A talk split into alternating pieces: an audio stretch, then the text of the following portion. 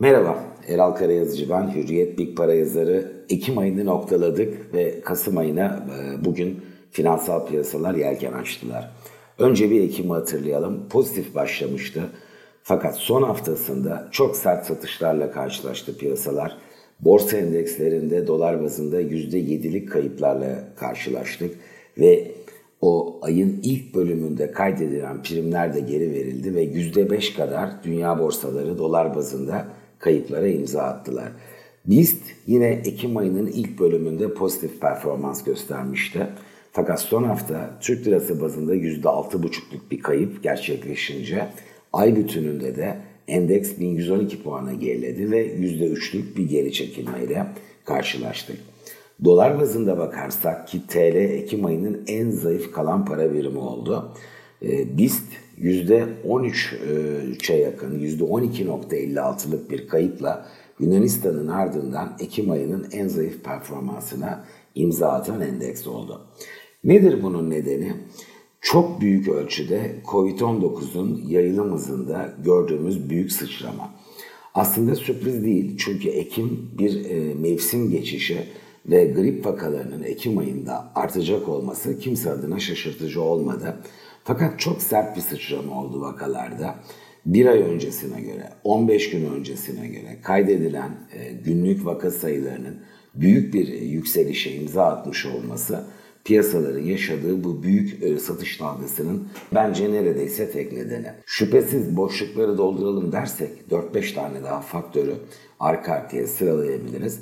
Ama esas olan her ne kadar e, öldürücülük oranında çok ciddi bir gerileme olmuş olsa da o ilk dalgada günlük can kaybı sayısı, günlük kaydedilen vaka sayısının ortalama %15'ini bulmuştu dünyada.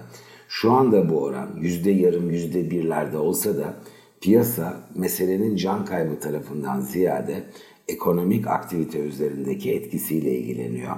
Ve ard arda geçen hafta birçok Avrupa ülkesi kısmi karantinaları devreye almak zorunda kalınca borsa endekslerinde de bu satışı gördük. İlk dalga o Mart e, döneminde hatırlarsak borsa endekslerini yukarıdan aşağı %35-%40 arasında aşağı getirmişti. Şimdi bu e, Ekim ayında gördüğümüz ikinci dalgada yukarıdan aşağı %10-15 arasında borsa endekslerinde kayıplar var. Ve e, kuşku yok ki yatırımcıların en büyük endişesi acaba ilk dalga kadar sert kayıplar borsalarda görülür mü? Ben çok uzatmadan fikrimi paylaşmak istiyorum. Yaşanan bu satış dalgasının ben bir artçı sarsıntı olduğunu ve ilk dalgadaki gibi keskin derin kayıpları e, getireceğini düşünmediğimi sizlerle paylaşmak isterim. Daha sınırlı, e, belki bir yüzde beş kadar daha ilave kayıplarla karşılaşabiliriz. Bu da haber akışına bağlı. E, belki bu dahi gerçekleşmeden bu haftanın içinde dengelenmeyi sağlayarak piyasaların bu artçı sarsıntıyı geride bırakma ihtimalini ben daha yüksek buluyorum. Peki bundan sonra neler olacak? Gerek Kasım ayında gerek devamında neler konuşacağız? Bir kere kuşku yok ki gözler Amerikan seçimlerinde gecikerek de olsa Kasım ayının içinde bu seçimin sonucu ortaya çıkacak ve konu gündemden düşecek. Amerikan seçimlerinin gündemden düşmesini takiben de hızla Amerika'da yeni mali teşvik paketine ilişkin görüşmeler başlayacaktır ki işte bu eşik zaten piyasalarla da yön değişikliğini sağlamaya aday en önemli faktör. Sadece Amerika ile kalmayacak biz Avrupa'da da her hastalık ilacını da beraberinde getirir gerçeğiyle yeniden güçlü teşviklerin, ilave teşviklerin devreye girdiğini göreceğiz. Bunlar da piyasalarda e, yön konusunda değişikliği sağlamak adına e, önemli kozlar olacak. Başka önceki açıklamalara bakarsak büyük bir ihtimalle Kasım'ın sonunda biz Batı kampından onay alan aşılarla da karşılaşacağız ve e, muhtemelen 2020 yılını biz birkaç tane aşının Batı kampı tarafından onaylandığı bir resimle tamamlayacağız. İşte bu da bardağın dolu tarafına eklenebilecek diğer bir faktör. Bunların, bunların dışında neden bahsedebiliriz? Bir kere virüsün yayılım hızı her kuvvetlendiğinde iki faktör devreye giriyor. Bir, kamu eliyle bazı tedbirler alınıyor. Bütün dünyada görüyoruz bunu. Ve bu virüsün yayılım hızının bir tepeyi gerçekleştirip sonra yavaş yavaş ivmesini kaybetmeye başlamasını sağlıyor.